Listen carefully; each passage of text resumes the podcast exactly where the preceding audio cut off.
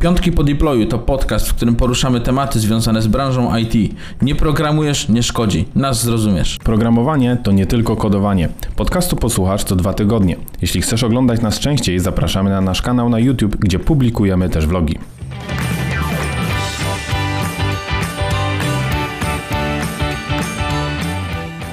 Cześć, witamy w kolejnym odcinku Piątków po Deployu. Nazywam się Adam Milich, jestem dzisiaj gościem Mateusza. Zanim zaczniemy odcinek o kompetencjach przyszłości, chciałbym wam powiedzieć parę słów o męskim zdrowiu. Ja osobiście nie noszę wąsa na co dzień, nie wyglądam tak głupio, ale zapuściłem tego wąsa specjalnie na akcję Movember, e, która skupia się na przeciwdziałaniu męskim chorobom nowotworowym, raku jąder i prostaty oraz e, skupia się również na dbaniu o męskie zdrowie psychiczne. Chciałbym Was zachęcić do wzięcia udziału w akcji, a co najmniej do poczytania o przeciwdziałaniu tym chorobom, o samobadaniu, o tym, jak można po prostu lepiej o siebie zadbać. E, znajdziecie dużo informacji w internecie, na przykład na stronie możnowładcy.pl. Trzymajcie się zdrowo, a teraz zapraszamy do odcinka.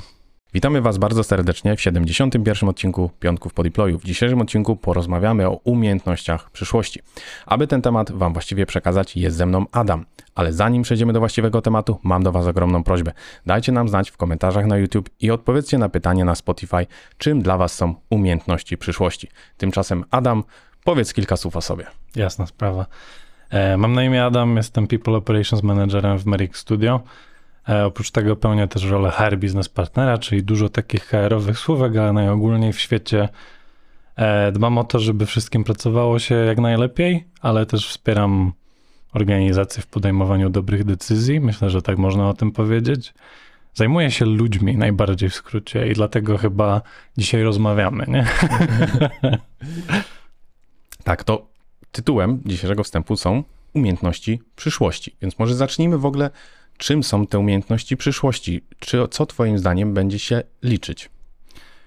Myślę, że warto do tego podejść e, logicznie, nie? To znaczy, jeżeli myślimy o kompetencjach, umiejętnościach przyszłości, to myślimy o takich, które są w jakiś sposób odporne na zmiany, nie? A coś, co definiuje nasze czasy najbardziej, to jest ciągła zmiana, nie? Często się powtarza, e, jedno jest pewne, zmiana, nie? Może to nie brzmi najlepiej. E, często powtarza się, że wszystkie. Czekaj, jak brzmi właściwie ten cytat? Muszę to aż zgooglować. E, one thing is constant change, nie? Coś takiego. Change is the only constant. The only constant in life is change. Okej, okay, dobra. Dobra. Paulo Coelho, nie wiem. Dokładnie. Nie, ale jest to dosyć sztampowe, jest takie dosyć sztampowe określenie, że jedyną pewną, jedyną stałą w życiu jest zmiana i to absolutnie ma zastosowanie na rynku pracy, nie? Mm, w dzisiejszych czasach mamy jakiś tam stack technologiczny, który powiedziałbym w Polsce jest najpopularniejszy. Nie wiem, znając JavaScript, można łatwo w miarę znaleźć zatrudnienie. Mhm. Co będzie za 10 lat, trudno powiedzieć co było 10 lat temu, no pracowałem w firmie, gdzie PHP było bardzo popularne, teraz chyba nie jest już aż tak bardzo, programistą nie jestem, e, trudno mi powiedzieć, nie? Mm, więc te rzeczy, które będą na pewno potrzebne, to są te rzeczy, które nie zmieniają się w czasie. I możemy tutaj użyć takiego również wyświechtanego określenia jak miękkie skille, jakieś korowe skille, skille uniwersalne, I w tej grupie jest kilka rzeczy, o których możemy porozmawiać za chwilkę, ale przykładowo umiejętność sprawnej komunikacji, pracowania z innymi ludźmi, takie rzeczy, których, o których często nie myślimy jako o odrębnych skillach, dopóki komuś tragicznie ich nie brakuje. Nie? To jest bardzo ciekawe, co mówisz, bo te umiejętności, które wymieniasz, to są wszystko umiejętności, które też można się nauczyć. I teraz szczegółowo o tych umiejętnościach jeszcze porozmawiamy, ale czy taką metaumiejętnością, czy nadumiejętnością nie jest właśnie ta kompetencja, ta możliwość i, i to, jak szybko się uczymy właśnie nowych rzeczy? Zdecydowanie, szczególnie, że nie jest to coś, czego byśmy się uczyli, czy większość osób nie uczy się tego w szkole. To znaczy, mamy przedmiot język polski, język angielski, nie wiem, informatyka, cokolwiek. E, nie ma osobnego przedmiotu, na którym ktoś będzie mówił, w jaki sposób uczyć się najlepiej. E, w niektórych przypadkach Czasami zdarza się kilka lekcji w skali całej edukacji, pewnie o jakichś podstawach kognitywistyki dotyczących metod mnemonicznych i tak dalej, ale to ciągle nie oferuje dzieciom, później młodym dorosłym, później studentom, później po prostu pracownikom na rynku pracy, nie, nie daje jakiegoś zestawu kompetencji, dzięki którym mogliby się sprawnie uczyć. Mamy bardzo dużo i to obserwujemy i na rekrutacjach, i po prostu w pracy. Mamy bardzo dużo osób, które, które stają przed wyzwaniem, jakim jest nauczenie się, czegoś nowego, e, podchodzą do tego całkowicie intuicyjnie, podchodzą do tego brute force'owo, bym powiedział. Nie? Trzeba to wcisnąć sobie do głowy. Będę to czytał tak długo, aż nie zapamiętam. Albo e, poproszę kogoś, żeby mi to wyjaśnił, ale jak tego nie zrozumiem, to czuję się trochę bezradny. Mhm. To, czego często brakuje, to są właśnie te kompetencje, to o czym wspominasz, te kompetencje dotyczące samego uczenia się. Mm, wykorzystania jakichś swoich preferencji, bo też mówimy tutaj, będę takimi hasłami trochę HR-owymi też rzucał, nie? E, jakieś nieneurotypowość, jakieś takie, jakaś neuroróżnorodność, te kwestie tego, czy kwestie związane z tym, że różni ludzie różnią się uczą. I to jest też trochę o takiej samoświadomości. Musimy poznać swoje potrzeby, swoje jakieś mocne, słabe strony, żeby się skutecznie uczyć. Dla jednej osoby metoda powtarzania w kółko tego samego jest bardzo skuteczna, dla innej osoby ktoś im musi to wytłumaczyć. Niektóre osoby muszą chodzić po pokoju, żeby coś zapamiętać, inne muszą to e, z siebie wyrzucić. E. Nikt praktycznie nas tego nie uczy. W końcu, Boże, sami dochodzimy do tych wniosków, a w większości przypadków nigdy do tych wniosków nie dochodzimy. Ja w ogóle uważam, że umiejętność uczenia się to jest najważniejsza umiejętność, której nie uczą cię właśnie szkole. I same techniki uczenia się, które preferujesz, y, dobrania właściwych dla ciebie, też jest kwestią wydajności, ale uważam, że są pewne umiejętności, które niezależnie od techniki, którą przyjmiemy, jest się uczyć łatwiej lub trudniej. I głównie wynika to z tego, jak szybko dostajemy informację zwrotną, czy wynik naszej pracy jest właściwy, czy nie. Jak szybko możemy się uczyć na własnych błędach, bo niektóre umiejętności efekt e, jakby podjętych decyzji czy zastosowania jakichś narzędzi jest odsunięty w czasie. I żeby wyciągnąć właściwy wniosek, czy coś zrobiliśmy dobrze, czy źle i poprawić to następnym razem, właśnie ten feedback lub cały zajmuje dużo dłużej. I teraz jak mówimy o tych umiejętnościach miękkich, to po pierwsze nie mamy do końca takich mierników, żeby jasno, zero-jedynkowo stwierdzić, czy zrobiliśmy dobrze, czy źle i wyciągnąć z tego wnioski. Mhm. I często też efekty tego są odsunięte w czasie. Dlatego w ogóle takie stwierdzenie, które ja mam, to jest często, że Umiejętności techniczne to są te łatwiejsze wręcz do nauczenia się, szczególnie w programowaniu. Piszemy kod, uruchamiamy go, od razu wiemy, czy uruchomił się, czy działa, czy wystąpił błąd i nawet wiemy w której linijce, wiemy co jest, e, co jest źle i dodatkowo widzimy, nawet jak jest wszystko dobrze, widzimy natychmiastowy efekt swojej pracy. Czy to pobraliśmy coś z bazy danych, widzimy te rekordy, czy to widzimy coś w przeglądarce. I teraz tak naprawdę jak mamy dobrą właśnie technikę, jesteśmy w stanie w miarę wydajnie się tego uczyć. Natomiast jeżeli mówimy o tych umiejętnościach, kompetencjach, o których wspominasz, ta nauka często jest wydłużona w czasie i trwa tak naprawdę całe życie pewnie. Myślę, że to jest bardzo ważne w tym, co mówisz, to że w przypadku programowania bodziec do nauki jest jasny. Nie działa, muszę coś poprawić. Widzę jasno, że nie działa i widzę że od razu, że nie działa. Od razu mogę przystąpić do jakiegoś procesu analizy. Hmm, co nie poszło nie tak? Hmm, co mógłbym zmienić? Skąd mógłbym się dowiedzieć, jak to zrobić lepiej? W przypadku tych kwestii międzyludzkich, które są tak naprawdę nieskończenie skomplikowane, nie mamy jasnego bodźca. Możemy przeżyć pół życia i wydaje nam się, że dobrze budujemy relacje z ludźmi, wydaje nam się, że dobrze się komunikujemy, po czym nagle trafiamy w jakieś nowe środowisko, na nowe wyzwania. Okazuje się, że te skille są niewystarczające, że nie wiedzieliśmy, nie słyszeliśmy o tym, że coś robiliśmy nie tak, też dlatego, że ludzie, na przykład z którymi pracowaliśmy, też nie mieli tych kompetencji, na przykład przekazywania osławionego feedbacku, tak, yy, tak na tyle rozwiniętych, żeby nam dać ten bodziec.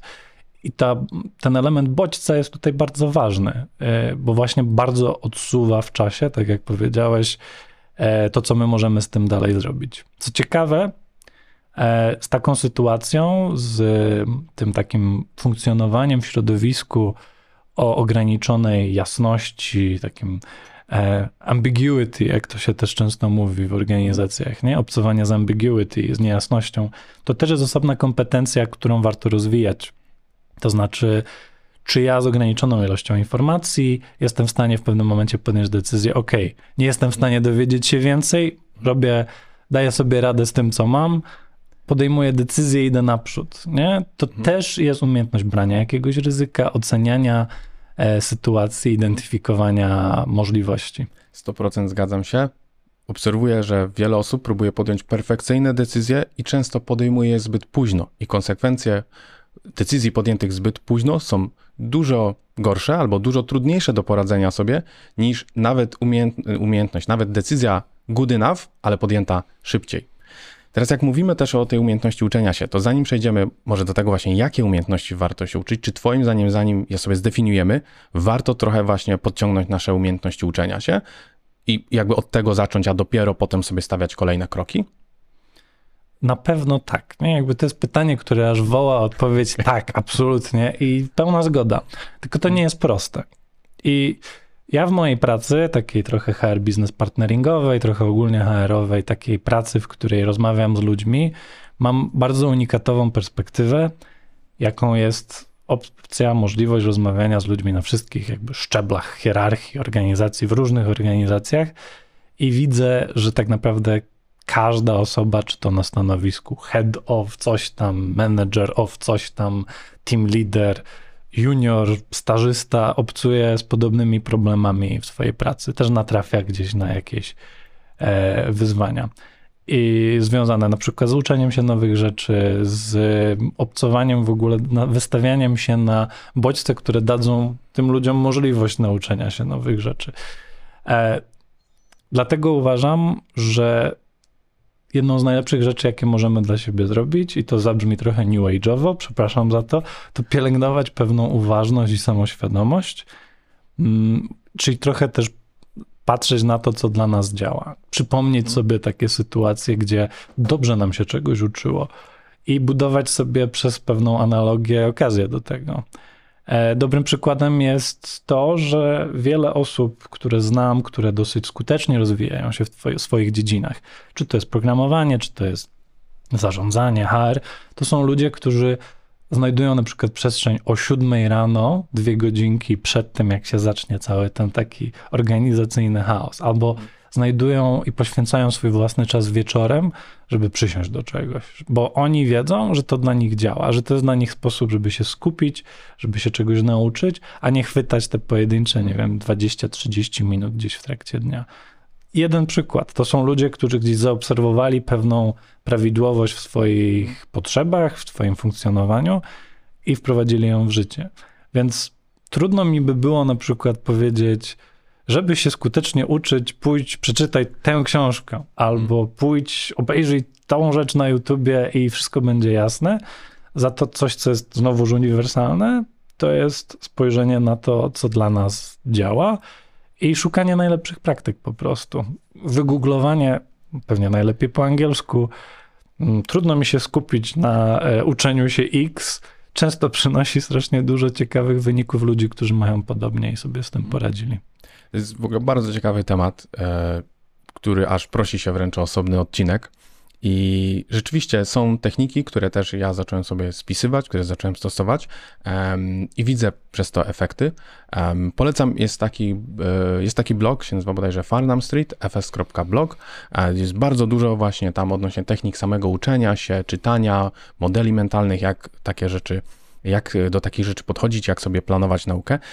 Natomiast przejdźmy właśnie już do tych konkretnych umiejętności. Wiemy już, że sama umiejętność uczenia się jest ważna.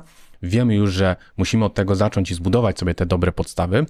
No to jak już mówimy o tych umiejętnościach przyszłości, o takich, które są odporne na to, co będzie w przyszłości, odporne na zmianę, to od czego byś zaczął?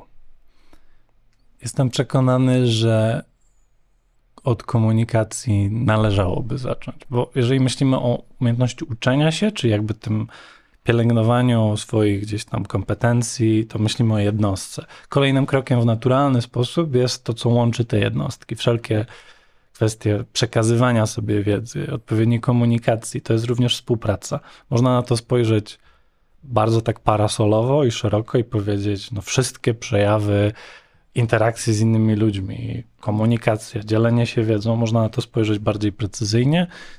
Mm, Ja osobiście bardzo lubię podejście NVC, Nonviolent Communication, porozumienie bez przemocy.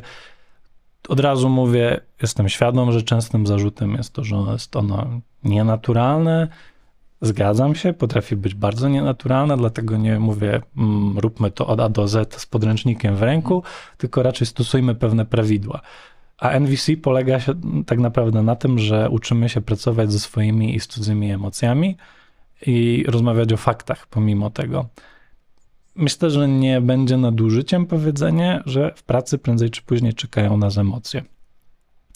Raczej nie ziści się takie, taki mokry sen, e, e, powiedziałbym, stereotypowego programisty z piwnicy, że ja tylko będę siedział i robił swoją pracę. I nikt ode mnie nic nie chce. nikt ode mnie nic nie chce. Prędzej czy później nie spodoba mi się jakaś decyzja, nie spodoba mi się, jak ktoś do mnie rozmawia, ktoś czegoś ode mnie chce, ja nie wiem, czy ja powinienem to robić, czy nie robić.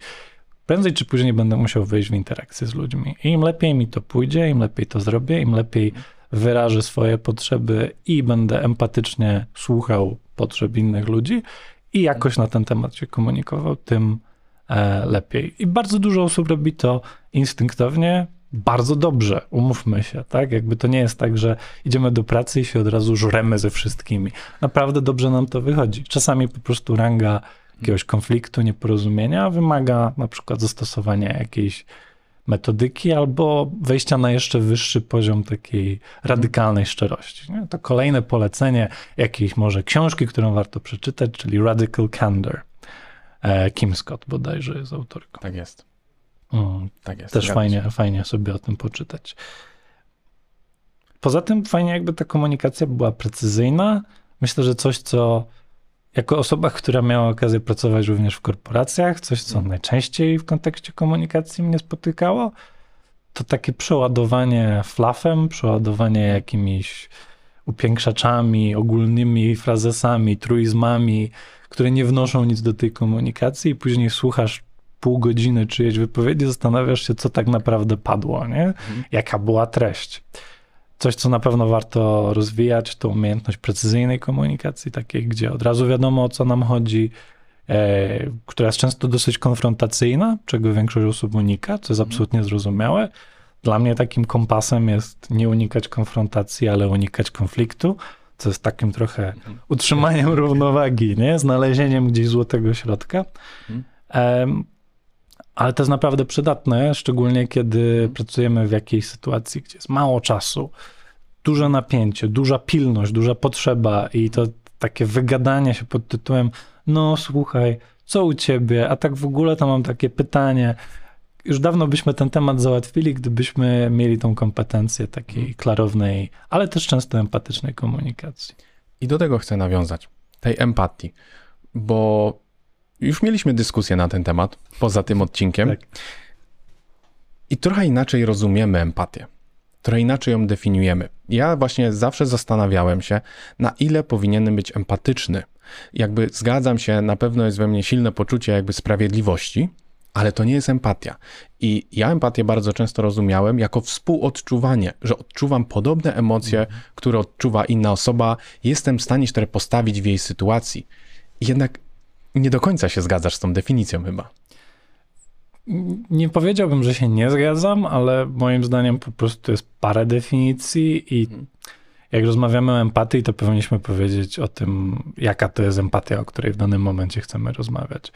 Miałem kilka tego typu rozmów e, z ludźmi znacznie bardziej doświadczonymi ode mnie, też w branży jakiegoś wsparcia HR-u, e, mocnych stron, coachingu nawet, tego nie YouTube'owego, ale coachingu. E, I wydaje mi się, że co najmniej dwa rodzaje empatii należałoby tutaj rozróżnić. Jeden, który jest taki bardzo intuicyjny, chyba oparty po prostu na lustrzanych neuronach, na, na, na takim naturalnej reakcji naszego mózgu na czyjeś emocje, czyli takie właśnie współodczuwanie. Widzę, że jest ci smutno, mi się robi smutno, widzę, że jesteś zły, od razu ja też jakoś to współodczuwam. Mm, I może łatwiej mi jest zidentyfikować te emocje, kiedy ja sam zaczynam je czuć, niż kiedy je obserwuję w tobie. Ale to jest takie surowe, nieokrzesane, taka em, dzika, powiedziałbym, mm, siła, tak? A, ale na pewno o empatii można mówić jako o kompetencji, czyli o tym, co można rozwijać, o czymś, y, tak naprawdę o odpowiednio skalibrowanej obserwacji. Znaczy, widzę, że unosisz się, mówisz szybciej, wolniej, wyższym, niższym tonem, głośniej. E, na przykład często powtarzasz e, coś. Jeżeli ja z kimś rozmawiam i słyszę, że ktoś powtarza praktycznie tą samą rzecz trzeci raz, dla mnie to jest sygnał nie intuicyjny, ale bardzo logiczny i racjonalny. Okej, okay, ta osoba ewidentnie jest sfrustrowana, nie czuje, że ja ją słyszę, skoro musi trzeci raz mi powtórzyć to samo. I w tym kontekście empatii jako skilla, jako kompetencji, to możemy totalnie rozwijać. Są na to sposoby, to jest po prostu znowu pewna uważność, pewne sprawdzanie, pewne. Mm, na przykład parafraza jest bardzo dobrym sposobem pracy z empatią. Nie? Ty mi coś mówisz, ja ci odpowiadam, czy ja dobrze rozumiem, że chodzi ci o. To potrafi być czasem wkurzające, ale ja dzięki temu też się uczę, że jak zachowujesz się w sposób A, chodzi ci o emocje B prawdopodobnie. I tutaj myślę, że pewnie byśmy się w jakiś sposób zgodzili, nie? że to też jest jakiś zestaw kompetencji. Nie od wszystkich, myślę, możemy oczekiwać tej takiej cechy, jaką jest empatia, czyli współodczuwanie. Nie każdy to ma i to jest całkowicie ok, bo często ma się wtedy inne cechy. No to jest ciekawe, na ile to jest właśnie cecha, a na ile to jest kompetencja. Bo też to, co mówisz, mogłoby się wpasowywać w ramy wiem, inteligencji emocjonalnej albo takiego takiej racjonalności emocjonalnej. No bo też jakby generalnie znowu jeszcze szerzej możemy iść, mówimy po prostu o racjonalnym myśleniu, szczególnie w kontekście emocji po prostu.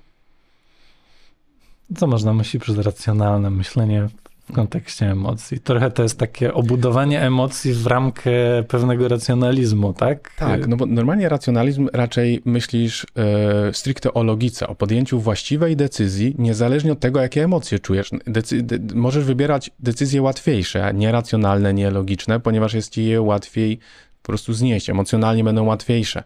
I generalnie często właśnie mówimy o racjonalnym myśleniu w oderwaniu od tych emocji. Natomiast to, co, o czym ty mówisz, brzmi jak racjonalizowanie też emocji. To jest ciekawe, bo nie posunąłbym się do takiego zdania jak racjonalizowanie emocji chyba z kilku powodów. Po pierwsze, mm, niepopularna opinia numer jeden, emocje to fakty. To znaczy, to jest coś, myślę, z czym, jest to zdanie, z którym wiele osób by się nie zgodziło. Jak to? Emocje to jest właśnie zaprzeczenie faktów. Nie? Ja coś czuję, no to co komuś do tego, że ja się tak czuję, co, co to ma wspólnego z rzeczywistością? No właśnie to, że obojętnie z jakich powodów ktoś się czuje na przykład źle czy dobrze, już się tak czuje. To jest fakt, który można zaobserwować.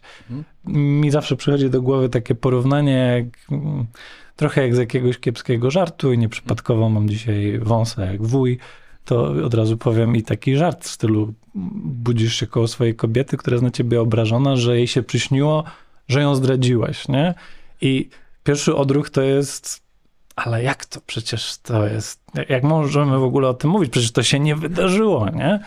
Ale z drugiej strony faktem jest, że ktoś się już jakoś czuje i to, jakie racjonalne, konkretne działania możemy podjąć na podstawie tego, że ta emocja jest faktem, mhm to już jest coś, co jest dla nas przydatne. Dla mnie na przykład nauczka, czy pewna, pewien wniosek, jak ktoś jest na mnie zły, to obojętnie z jakiego powodu fajnie jest dać tej osobie przestrzeń, jeżeli tej przestrzeni potrzebuje. I to jest już pewien przykład jakiejś racjonalizacji emocji, które mogą pochodzić z bardzo nieracjonalnych źródeł.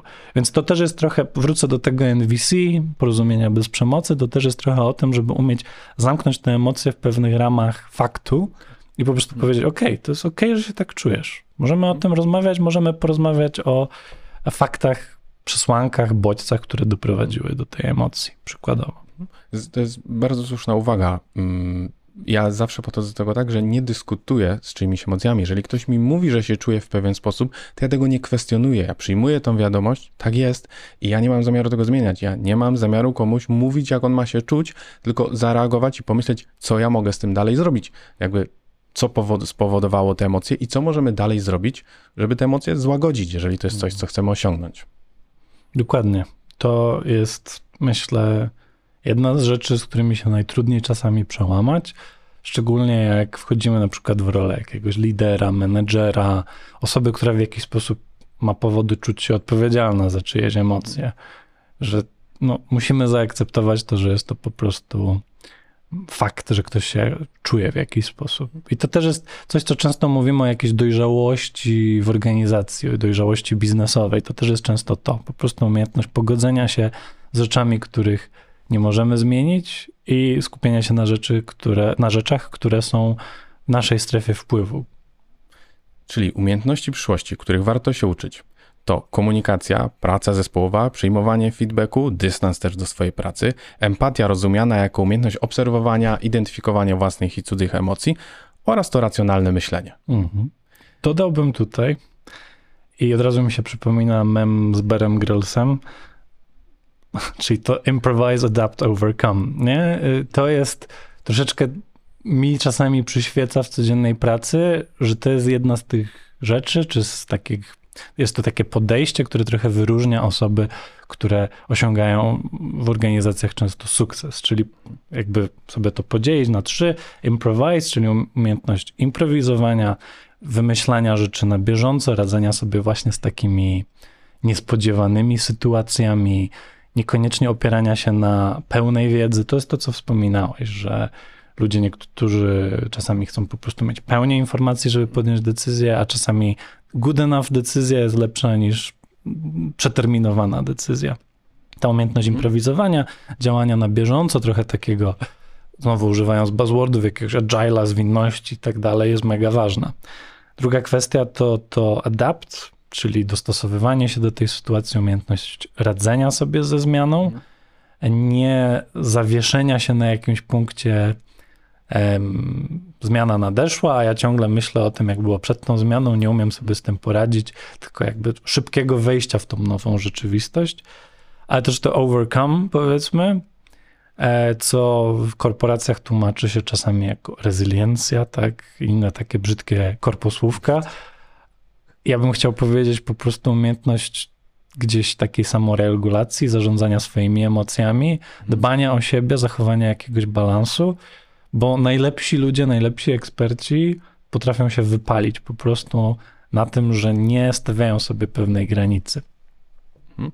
To dlaczego uważasz, że to są te umiejętności, które są tymi umiejętnościami przyszłości właśnie i które sprawdzą się w rynku pracy, który trochę nadchodzi, który jest właśnie zmienny?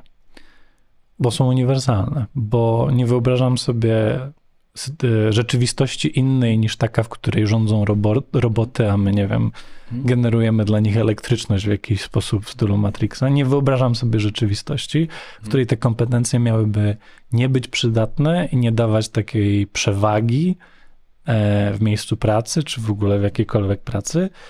Mm, za to wszystkie skille, tak zwane twarde, prędzej czy później się przeterminują, bo narzędzie, którego używamy dzisiaj, choćby to był SAP, tak, jakieś największe narzędzie używane przez pół świata, w końcu się zmieni, w końcu zniknie, może zamieni się na coś innego. Znajomość jakichś języków programowania. No, dzisiaj używamy jakiegoś staka technologicznego, czy to w tej organizacji, czy w innej. Są jakieś niszowe języki, które może wyginą, może urosną do rangi dominujących, kto wie. Nie jesteśmy w stanie przewidzieć, jaka twarda umiejętność będzie ważna za 10 lat, jesteśmy w stanie przewidzieć, że będziemy chcieli się jej nauczyć i będziemy chcieli pokazać, że ją umiemy i będziemy chcieli współpracować z innymi ludźmi, którzy tą umiejętność nabędą. Dlatego potrzebujemy tych uniwersalnych umiejętności, żeby w ogóle móc wykorzystać te kontekstowe i twarde. Mhm. Tak naprawdę nie jesteśmy w stanie w dzisiejszych czasach uniknąć tego, że będziemy się w ten czy inny sposób przebranżawiać w trakcie naszej e, dosyć długiej pracy, nie wiadomo czy zwieńczonej emeryturą, kto wie, e, ale nie jesteśmy w stanie tego uniknąć, cokolwiek byśmy nie robili. Jesteśmy w stanie za to sobie dać pewien zestaw uniwersalnych kompetencji, które nam to po prostu ułatwią. Zaczynając od e, właśnie tej umiejętności uczenia się, która zawsze będzie przydatna, aż po wszystkie te kompetencje, które pozwalają nam po prostu się odnaleźć w pracy z innymi, co też jest nieuniknione. Zbliżając się pomału do końca, co sądzisz o takim podsumowaniu? Że umiejętności, w sumie niezależnie czy miękkie, czy te twarde i techniczne, na których się powinniśmy skupić, składa, z, składają się w sumie na dwie rzeczy. Z umiejętność zarządzania złożonością, bo tak samo jest to ważne w umiejętnościach technicznych i im jesteśmy lepszym specjalistą, tym bardziej zaczynamy mówić o designie systemów, architekturze, o po prostu zarządzaniu złożonością, ale to, o czym ty mówisz, to jest też złożoność trochę powiedzmy komunikacji, relacji między ludźmi i, i jakby to są umiejętności, a też powiedzmy konkretne techniki czy narzędzia jak NVC, o których mówisz, po prostu pomagają nam z tą złożonością żyć. I oczywiście to, co mówiliśmy e, na początku, umiejętność samego uczenia się, niezależnie czy umie, uczymy umiejętności twardych czy miękkich. Czy takie podsumowanie tego do zarządzania złożonością i umiejętności uczenia się, Twoim zdaniem jest dobre? Czyli mówisz, że mamy zarządzanie złożonością i mamy umiejętność uczenia się na temat wszystkiego innego, tak naprawdę. I to, to by było to podsumowanie. Dokładnie. Upraszczam trochę, ale czy to nie ostatecznie nie sprowadza się do tego właśnie? Te uniwersalne tak, ale zarządzanie złożonością nie wyczerpuje tych kompetencji twardych. Mhm. Tylko tak jak mówimy, to nie są do końca stricte umiejętności, które w przyszłości będą super popularne. E, ale myślę, że tak. Koniec końców jest to zarządzanie złożonością i zarządzanie sobą w tej sytuacji, tak naprawdę. E, czy to swoim samopoczuciem, czy tym, jak my na pewne rzeczy reagujemy, jak my się komunikujemy. Myślę, że to jest dobre podsumowanie. Dobry. Super, Adam. Dziękuję Ci uprzejmie za rozmowę. Dzięki również. Tymczasem będziemy wdzięczni, jeśli zasubskrybujecie nasz podcast i pamiętajcie, że podcast pojawia się co dwa tygodnie w piątek. Jeśli traficie również na nasz kanał na YouTubie, to zobaczycie tam także vlogi, które tak samo pojawiają się co dwa tygodnie w piątek, więc jest co oglądać. Dzięki, cześć. I dbajcie o zdrowie.